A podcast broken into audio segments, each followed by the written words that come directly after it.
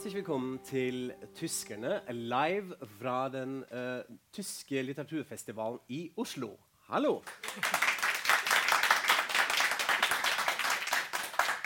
Vi er uh, Kai Schwind, og, Ingrid Brekke. og som dere hører har vi en haug med gjester her uh, på Kvernelandsalen på Litteraturhuset i Oslo. Og gleder oss at alle er her, og at dere hører på.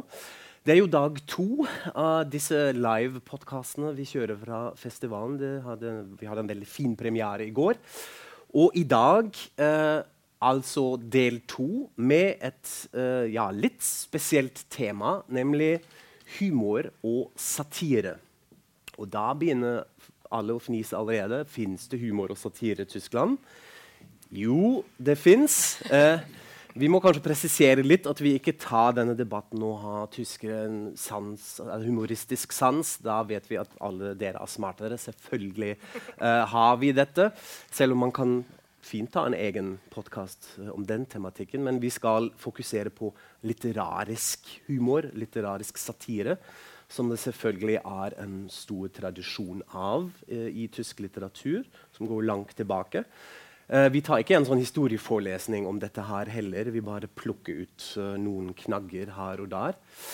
Men du jobber jo som korrespondent i Tyskland. Ja. Husker du liksom ditt første møte med tysk humor og satire? Eller Ja, altså jeg husker at første, Den første uh, tyske humoren jeg ble fascinert av, det var jo sånne uh, vitser i DDR. Sånne antikommunistvitser.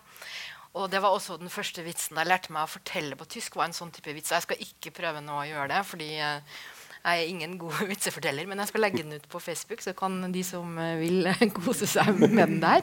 Og der skal jeg også legge ut eh, min absolutte favoritt. Eh, antikommunistvits, som er en som Angela Merkel eh, fortalte den gangen før hun ble kansler da, og fortsatt eh, turte å fortelle en vits på direkten. Så, eh, så det kan dere glede dere til. Men, eh, men eh, noe mer enn en det Nå det teaser du skikkelig. Ja, nå teaser teaser jeg men da bare. Må vi, Det, ja. må vi alle gå inn på Så, Facebook ja. og se på det der. Ja. Nei, vi tenkte jo hvordan, hva, hva plukker vi ut? Hva, hva skal vi snakke om? Og vi syns at det var egentlig en fin mm, måte å starte eh, i en tidsepoke som, er- som det er veldig mye snakk om akkurat nå, eh, også på denne festivalen, nemlig Weimacher-republikk. eh, som man har ikke snakket om så mye før en stund, men nå, spesielt siden Babylon Berlin kom på TV-skjermene, er det mye snakk om. Og det er en veldig sånn turbulent periode. Det er mye som skjedde. Veldig sånn ulike type av utvikling. Det var masse utvikling innenfor vitenskap og kultur, men samtidig masse fattigdom og elendighet. Eh, men man fokuserer for det meste på nettopp det, altså litt sånn de mørke eh, sidene. Ja, fordi man vet hvordan det gikk. Hvordan det gikk, ja. Sant? Men, men nettopp det at uh, f.eks. hvordan feminismen uh, Ja. Mm. blomstra. Hvordan, altså, det fantes helt andre trekk. da. Absolutt. Det er mye der. Og også i forhold til humor og satire var det masse som kjennetegner Weimar republikk. Og det tenkte vi egentlig en sånn fin uh, start uh, for å se nærmere på dette. Da med kanskje litt sånn to ulike uh, ja, som en slags parentes og ytterpunkter av Weimar republikk, nemlig Kurt Tucholsky og Heinrich Zille. Kotoholski er jo en uh, veldig stort navn i, i tysk litteratur, og vi skal absolutt ikke gå gjennom hans verk nå uh, sånn veldig nøye og detaljert, men bare påpeke hva satire, hvor viktig satire var i, i verket for uh, Kurt Tucholsky. eh, nemlig med å på en måte finpusse den politiske satiren som kjennetegner eh, mye av satiren i tysk eh, litteratur. Og at han i tillegg også fungerer som en slags ja, hvis man kan kalle det litt sånn flåsete, en slags gudfar til politisk kabarett. Den politiske kabarettradisjonen som vi har i Tyskland. Som er alltid litt vanskelig å forklare, fordi man må liksom bruke analogi til standup comedy eh, i en britisk kontekst, men den har egentlig fra begynnelsen vært mye mer ja, kanskje litt mer moraliserende. Generelt litt mer politisk. Og den er lever jo i dag. Altså, Den lever i dag, og i Tyskland er det, er det en stor, stor tradisjon. Og uh, det fins massevis av det som, ikke, som ja, ta, ha et veldig sånn konkret politisk formål. Og det hadde jo også Tucholsky, som var en uh, absolutt venstre eh, posisjonert posisjon, en pasifist.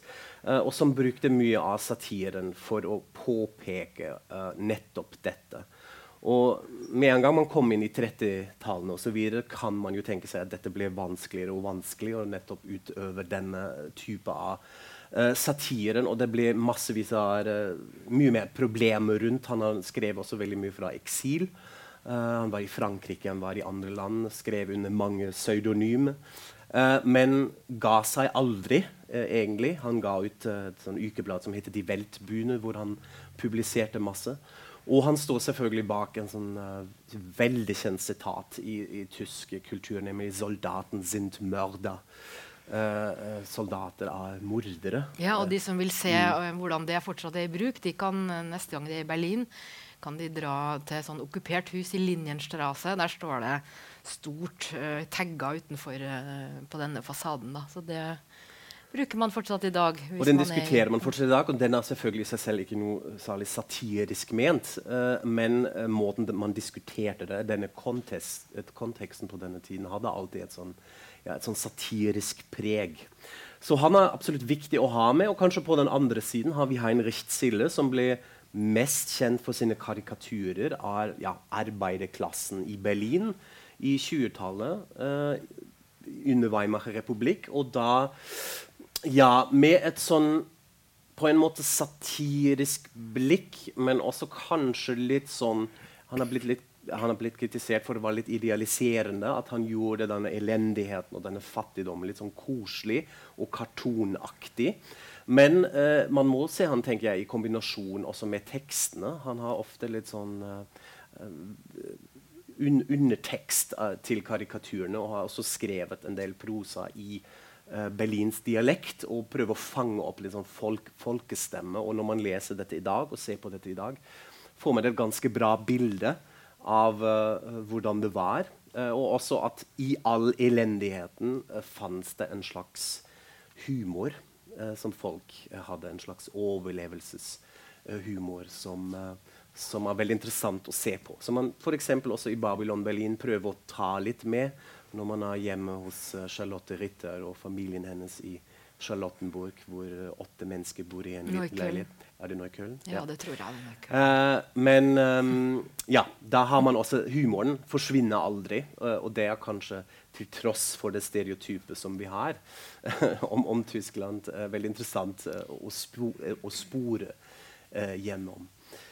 Så tenkte vi at vi hopper litt videre og går i etterkrigstiden uh, til uh, denne mannen her, nemlig uh, Heinz Ehat, som på en måte representerer ja, Litt vanskelig å oppsummere. Altså 50-talls Vi har kalt det for Welt uh, humor, selv om dette er på en måte ikke helt riktig. Altså, han, er, han, var, han, var, en skuespiller, men han var også en, en poet, en forfatter. og ble for heilevelt sjangeren det er jo dette at etter krigen så uh, orka man ikke mer elendighet. og man tok ikke det til oppgjøret i alle, mm. men man ville drømme om en annen verden.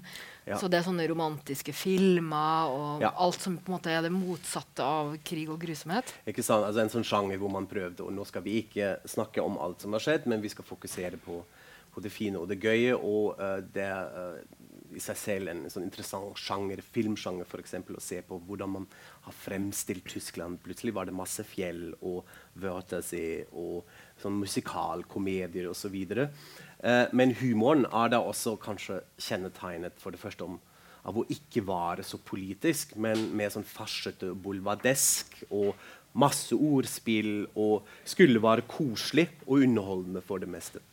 Selv om, hvis man ser litt nærmere på det, så er det selvfølgelig uh, også en slags samfunnskritikk som fins uh, i en del litteratur her. Og Heinz Ehart har blitt veldig veldig kjent for det meste pga. hans dikt. Det er masse ordspill og litt sånn dobbel betydning uh, som jeg tror hadde en slags uh, Skapte en slags fellesskap uh, i, i, humoren. At, at, man kunne bli enig om han som en slags folkekomiker. Og jeg har tatt meg, med meg et dikt her som kanskje illustrerer det litt. stilen hans. Jeg skal lese den på tysk. Jeg tror det er ikke noe vits å oversette den. Eh, på norsk, men uh, dere forstår det kanskje. Es ist gewiss was Schönes dran am Element dem Nassen. Weil man das Wasser trinken kann, man kan es aber auch lassen. Så dette er spill med ord, det er le leken. Uh, men så ligger det noe under da som kanskje symboliserer en slags holdning til livet som jeg tror man trengte uh, etter krigen. Så skal vi gå videre. Eh, til noe mer vår, politisk. Mer politisk. Vi ja. trenger litt, litt, mer politikk. Ja. og hvis 50-tallet var kanskje kjennetegnet mest av en sånn nesten fornektelse av alt det som hadde skjedd, så kom jo 60-tallet, og slutten av 60-tallet spesielt, med 68-bevegelsen, hvor man tenkte nå går det ikke an. Vi kan ikke ha sånne koselige humorvitseting. Vi må ha ordentlig satire. Uh, og politisk satire i Tyskland begynte å blomstre litt opp. Uh, selvfølgelig ved å ta denne 68-ånden. Og da var det et satireblad som het Pardon på denne tiden, som var skapt av en litt sånn anarkisk, litt crazy gruppe mennesker. Eh, som hadde lyst å lage politisk satire, samfunnssatire, som egentlig ja, sparker i alle retninger. Eh, man var selvfølgelig på en måte venstre, kanskje nettopp marxistisk posisjonert, men eh, alle skulle få det. Uh, og da tok man også opp en del samfunnstematikk, altså seksuelle frigjøring osv. Og, så og, uh, og det er mye, hvis man ser på disse bladene i dag, ganske provoserende. Uh, hvor man tenker jøss, kunne man ha gjort det i dag på den måten? Så kan man jo tenke seg hvordan dette ble tatt imot i et samfunn i Tyskland. Og Da kan vi jo si til de som nå lytter på oss, som kanskje ja. skjønner at nå viser vi noen greier på en ja. skjerm her i dette rommet, mm. men vi skal legge ut coverne på Facebook, mm. så dere kan få se dem også. Ja. Og Pardon uh, var såpass uh, sparkende i alle retninger at de begynte å krangle veldig. Uh, redaksjonen til Pardon, og det førte til en slags splittelse. de gikk i ulike retninger, de som lagde dette. Og så kom et veldig kjent satireblad som fortsatt opererer i dag, ut av det, nemlig Titanic. Ja. Som dere sikkert har hørt om. Også en stor favoritt eh, hos oss. Ja. eh, som eh, gjør for det meste veldig veldig vellykket satire. Iblant bommer de veldig, men også det er veldig interessant. Og da har vi kanskje et fenomen som illustrerer ganske godt forskjellen mellom tysk og norsk satire. Jeg vet ikke hva slags inntrykk du har det? Altså, jeg, jeg har jo blitt veldig glad i, i tysk politisk uh, satire, og det er jo mest fordi den er utrolig drøy. da. Altså, mm. Den er jo mye, går jo mye lenger enn vi er vant til i Norge, og man blir jo litt sånn Er det mulig, eller Ja. Men vi mm. kan jo kanskje se noe Det kan vi gjøre. Uh, Titanic har kanskje hatt mest uh, suksess med den her. rett etter sammenslåingen av Tyskland 1990 1989, i, i november, kom, kom, dette ut. Vi viser det her på storskjermen. Zonengabi, en ung dame som holder opp en agurk. Og så av covertittelen 'Mine erste banane'.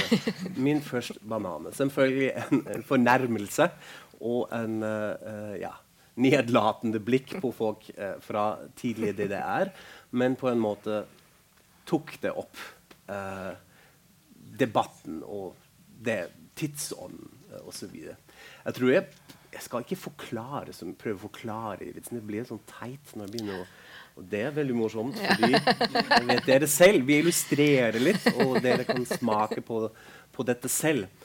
Akkurat hvor drøyt Titanic kan være, og det er da sikkert spesielt drøyt for en norsk uh, kontekst, ser man på dette coveret her.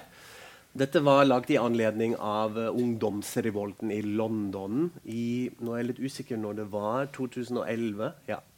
Uh, hvor man prøvde å få ja, kontroll på en sånn ungdomsopprør, gatekamp, uh, i London. Og da foreslo Titanic hva med å sette inn Anders Behring Breivik for å stoppe dette. Jeg husker ikke om det ble så mye bråk i Tyskland ikke, i hvert fall. Nei, jeg, tror, altså, jeg var jo ja. der når, ja, det, når dette det kom, og så det og tenkte bare mm. dette orker jeg ikke å fortelle til noen i Norge. tenkte jeg bare. Ja. Mm. Men uh, ja. Og det berører jo selvfølgelig også hvordan satire skal forholde seg til sånne nasjonale traumer mm. i en norsk i en tysk kontekst uh, ser man selvfølgelig litt annerledes på dette. Ja, det, er ikke, det, er jo ikke, et tysk traume, dette. Nei, dette er, er, jo det. vårt, og det er jo helt, helt annerledes klangbunn. Altså. Absolutt. Altså. Og det er jo fortsatt noe man diskuterer også i norsk satire- og humorbransjen. Hvordan skal vi ta dette opp? Kan vi tulle med Breivik? Kan vi tulle med 22. jul? Hvordan gjør vi dette? Uh, her blir det jo brukt til en sånn litt overfladisk gag for det meste. Men uh, det viser kanskje litt hvor langt de har vilje å gå. Uh, kanskje noe som er litt mer koselig og mest tullede, uh, var et cover fra to år siden, rett før valget i Tyskland, hvor alle var helt enige. Og selvfølgelig ble Angela Merkel kansler igjen. Men hva kunne skje at hun ikke ble valgt igjen til kansler. Og da kom Titanic med et forslag. Uh, nemlig hva hvis det plutselig dukker opp en datter som hun aldri har berettet om før, som er arbeidsledig, eh, narkoman og nymfoman. Og så ble det hele illustrert med et veldig usjarmerende bilde av Angelas fortid, sikkert fra DDR. Du, ja, fra det, ja. du har skrevet bok om henne. Ja. Vet du fra hvilken periode dette er? Altså, Jeg gjetter at dette er sånn akkurat etter, etter 90, altså 92 kanskje, eller noe sånt. Ja. Etter det. Okay, ja. Men uh, ja, det hjalp jo ikke. Hun ble valgt igjen. Uh, så vi får se hva Titanic kommer Jeg tror faktisk at Titanic hadde skapt det størst debatt og rabalder når de begynte å tulle med fotballmesterskap uh, i Tyskland i 2006, hvor de lanserte en slags prank og skulle bestikke uh, noen av de som skulle stemme at uh, VM skulle Aha. gå til Tyskland i en sånn litt hemmelig møte i Sveits, hvis jeg husker riktig. Aha. Og da sendte de sånne kurv med godteri og ting til folk fra Frans Beckenbauer. Eh, og prøvde å bestikke folk. Det kom selvfølgelig ut og ble avslørt. Og da ble det hat mot redaksjonen. De offentliggjorde etter hvert alle disse hatanrop og hatmail de fikk på telefonsvaren sin. Og sånn, da var det mye drøyt. Så ikke tull med fotball, og ikke med Frans Beckenbauer. Nei, men de hadde jo også, det er jo ikke lenge siden, de hadde noen runder med paven. Ja. Eh, hvor Vatikanet gikk til sak. Og, Riktig. Ja. Mm. Så, så de, de, ja, de fortsetter å, Fot å være drøye. Ja, fotball og religion. uh, og kirken. ja. Så det lønner seg å følge med uh, hva Titanic gjør. Og selvfølgelig også hvis man uh, vil vite litt mer om et land, så er det jo lurt å se på satiren. Hva er det man tuller om med, og hvordan gjør man dette? Og da tror jeg at Titanic er en ganske interessant case. Men nå skal vi litt uh, tilbake, eller, ja, tilbake, til litteraturen, eller til litteraturen. Eh, eller Fordi, mer, for dette er jo en slags litteratur, ja. men den klassiske litteraturen. Klassisk litteratur. ja, det er jo en litteraturfestival, så vi må jo gjøre dette. ja. uh, men vi tenkte å se litt på hva, hva, hva, slags eksempler har man av tysk satire i dag? Hvem av forfatterne som bruker satiriske virkemidler, som bruker humor? Uh, og da har vi et lite utvalg som vi tenkte vi skal se litt uh, nærmere på og snakke litt om. Sikkert flere av de som er litt kjent til dere også ha. Vi tenkte å begynne med en kvinne, uh, fordi det er jo tross alt fortsatt litt sånn mannsdominert terreng, uh, dette da, i Tyskland. Jeg har en sånn cursor, den må bort. Uh, nemlig Sibylle Berg, som er en ja, absolutt veldig, veldig kjent forfatter. født i Weimar, tror jeg, tidlig DDR. Uh, bor i Sveits nå, men er Også ja. blitt statsborger, så jeg. Ja, Sveitsisk statsborger. Ja. Mm. Så hun har en litt sånn kosmopolitisk uh, tilværelse, reiser mye rundt. Uh, hun er for det første kanskje en romanforfatter, men hun er hjemme i mange ulike litterariske sjangere. Ja, det er blitt satt opp et teaterstykke av henne i Oslo. Ja. Så hun skriver også drama. Ja. Hun skriver teaterstykker, skriver hørespill, eh, også spalte. Hun er en av de faste Spiegel-spaltister.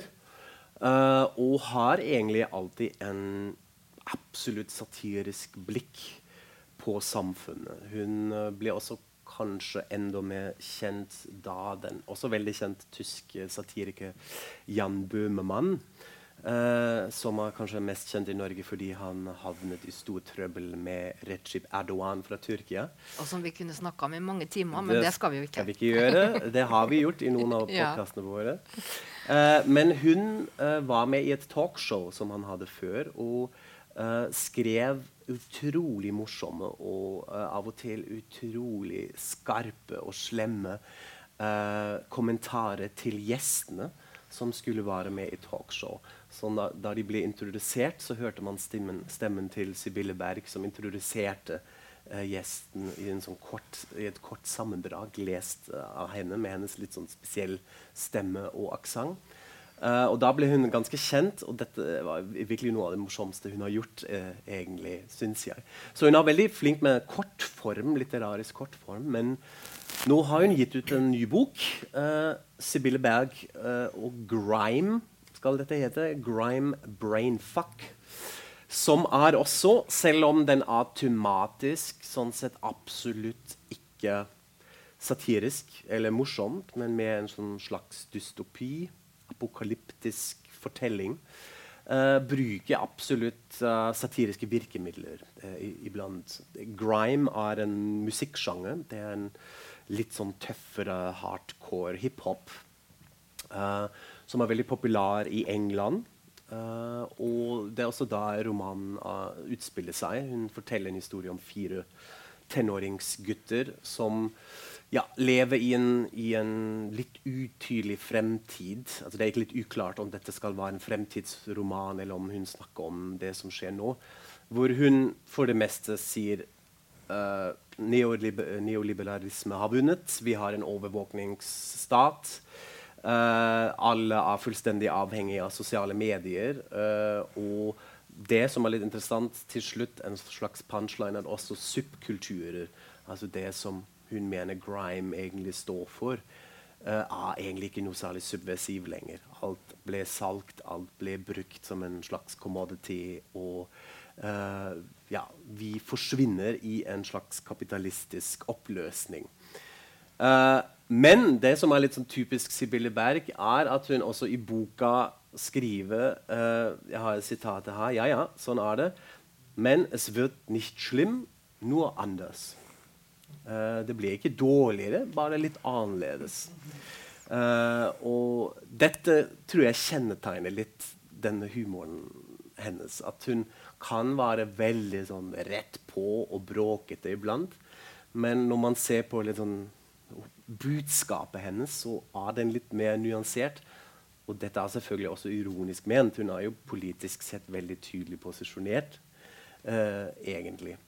Så den har nettopp kommet ut.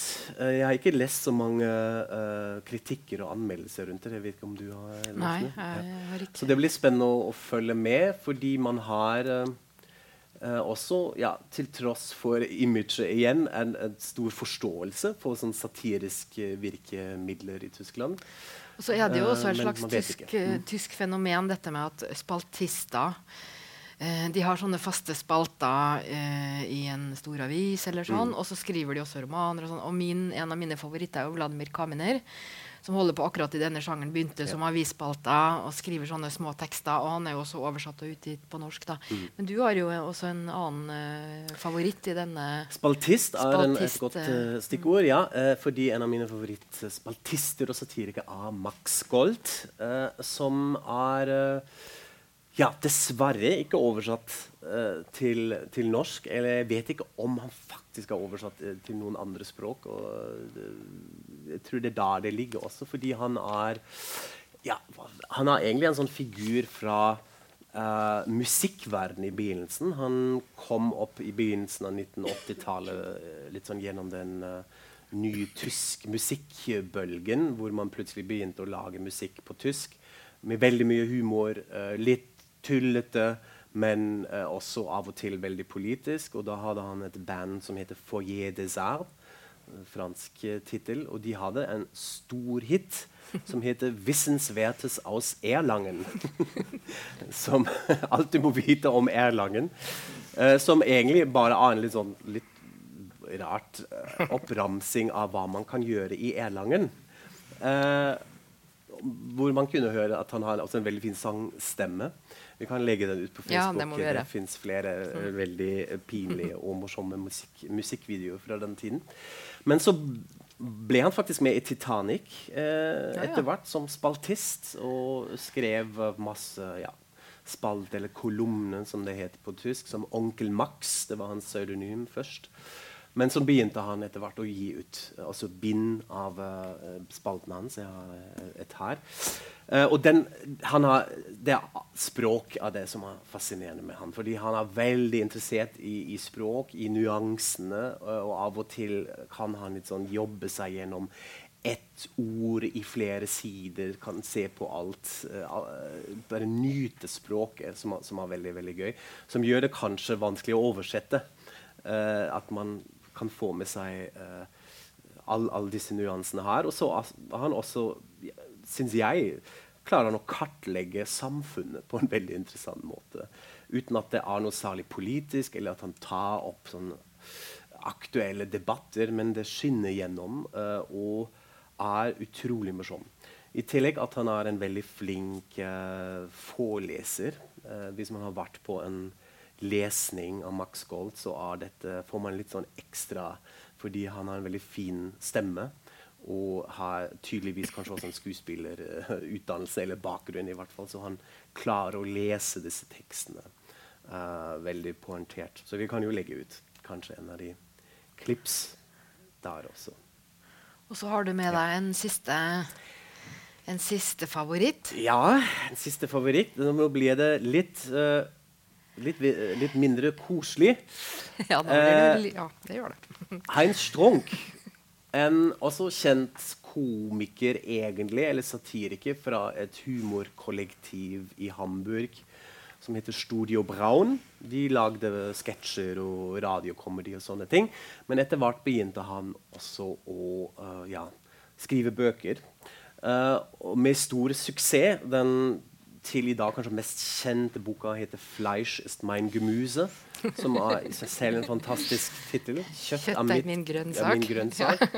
hvor han forteller om sitt uh, liv som ja, dansebandmusiker uh, på tysk bygda steder på 80-tallet. Vet ikke om dette fungerer. Han var medlem i et band, og de reiste rundt på landet. Det er kanskje ikke så annerledes enn å være norsk dansebandmusiker? Jeg vet ikke. Nei, men det er mye, mye elendighet der. og når han beskriver at de må spille i fire-fem timer i en kveld i et sånn lokalsamfunnshus, og fulle folk kommer og har requests, og man, kan, man må fortsette å spille, uh, det er veldig morsomt. Og så er det allerede da i de første bøkene en sånn sans for detaljer. Noe som er helt forferdelig. At han sitter bak drumsettet og svetter inn i den altfor trange dressen sin. Hvordan det føles eh, om man er med, og du skjønner det fysisk på kroppen.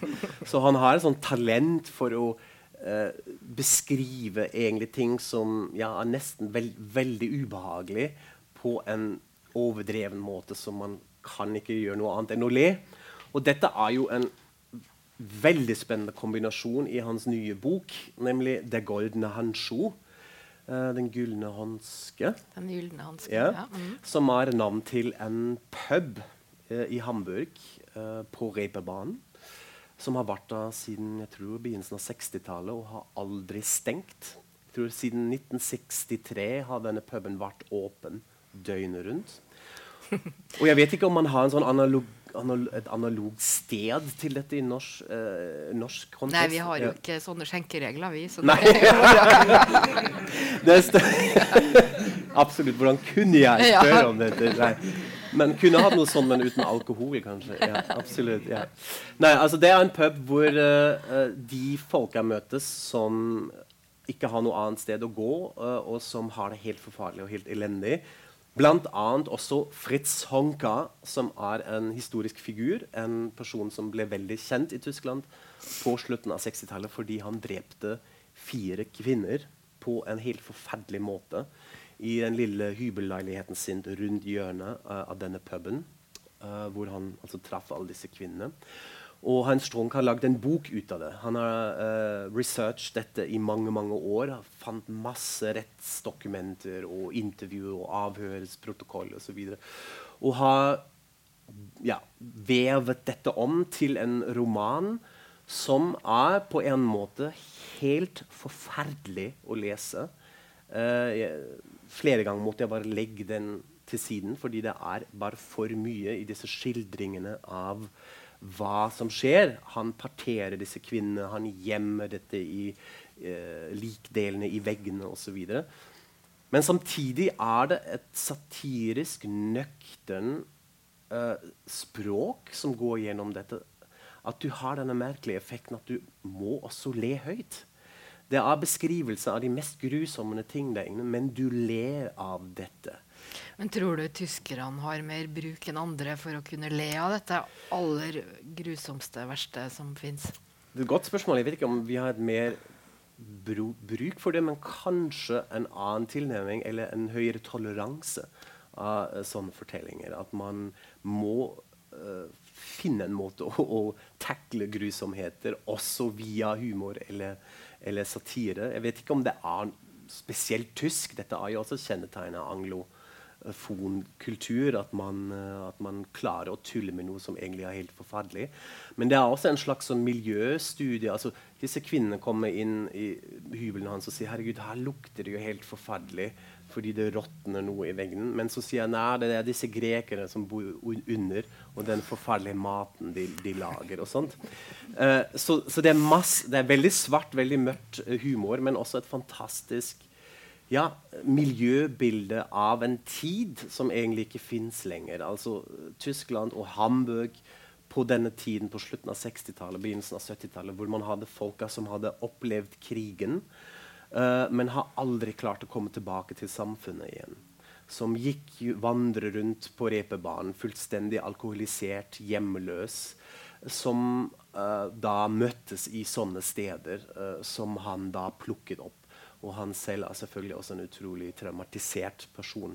Så jeg håper den oversettes på norsk, selv om dette høres veldig forferdelig ut. Jeg vil ikke utsette noen til, til dette, men den uh, har også blitt filmatisert. Dette er den nye filmen til Fatih Akin. Uh, veldig kjent uh, tysk re regissør. Jeg har sett den når jeg var i Hamburg nå, og den fungerer også forbausende bra.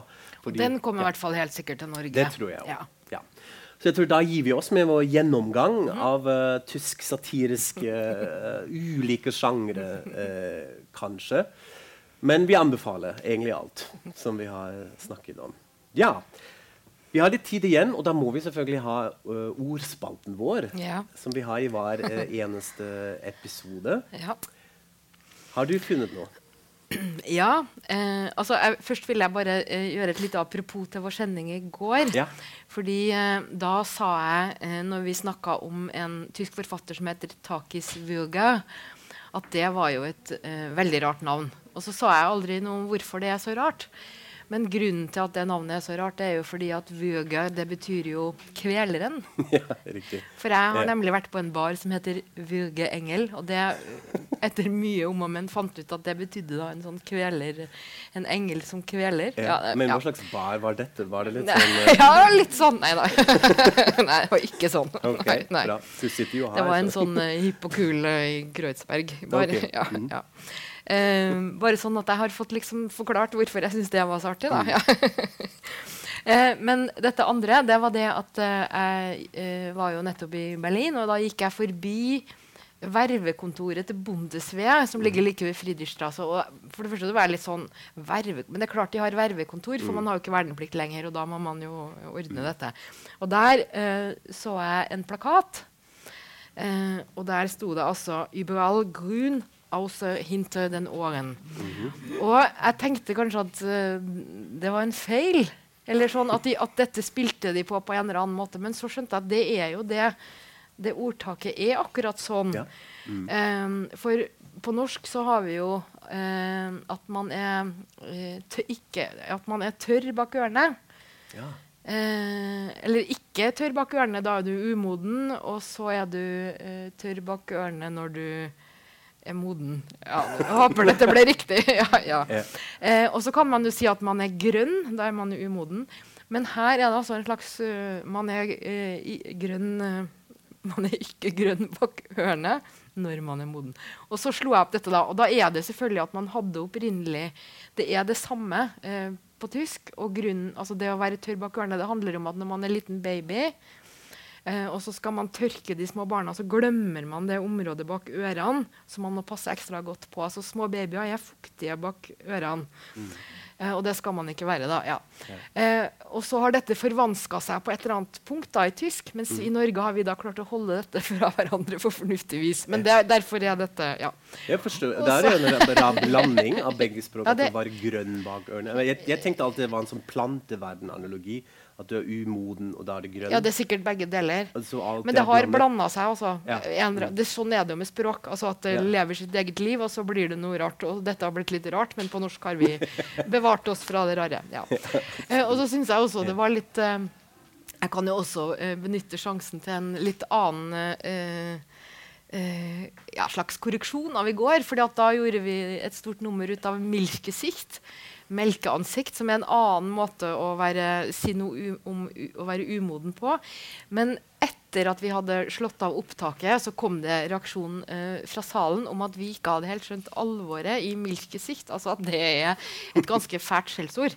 Altså det er noe man virkelig sier til noen man ikke respekterer. Og når man bruker det om en ung politiker, så er det virkelig sånn foraktfullt og nedlatende, og ikke så hyggelig som jeg lata som det var. da. Ja. Så da har vi også fått um, plassert både milkesikt og grønne ører. Uh, jeg tror det var mest re reaksjon på fordi det andre ordet vi hadde med i går, var jo backpfeifengesicht, altså ørfikk trynet, ja. på en måte. Og det er jo litt hyggelig kanskje å bli kalt for milkgesicht. Ja, heller det, da. Eh, fordi det ikke innebærer vold. Men likevel ikke bra. Nei. Nei. Hva med grønn melkeansikt? Jeg tror vi gir oss ja, gir vi her. Oss. men ja, sånn fungerer altså denne ordspalten vår. Vi liker å plukke fra hverandre disse ting. Ja, skal vi runde av? Ja. Uh, sier uh, takk for alle dere her som hørte på oss, og alle som hørte på oss hjemme, som alltid. Følg oss på Facebook. Da legger vi ut ting, som sagt. Dere må like og dele, spre ordet om oss. Vi blir veldig glade. Og så henger vi litt mer på festivalen her. Uh, og sier uh, bis bald und auf Wiederhören. Mm.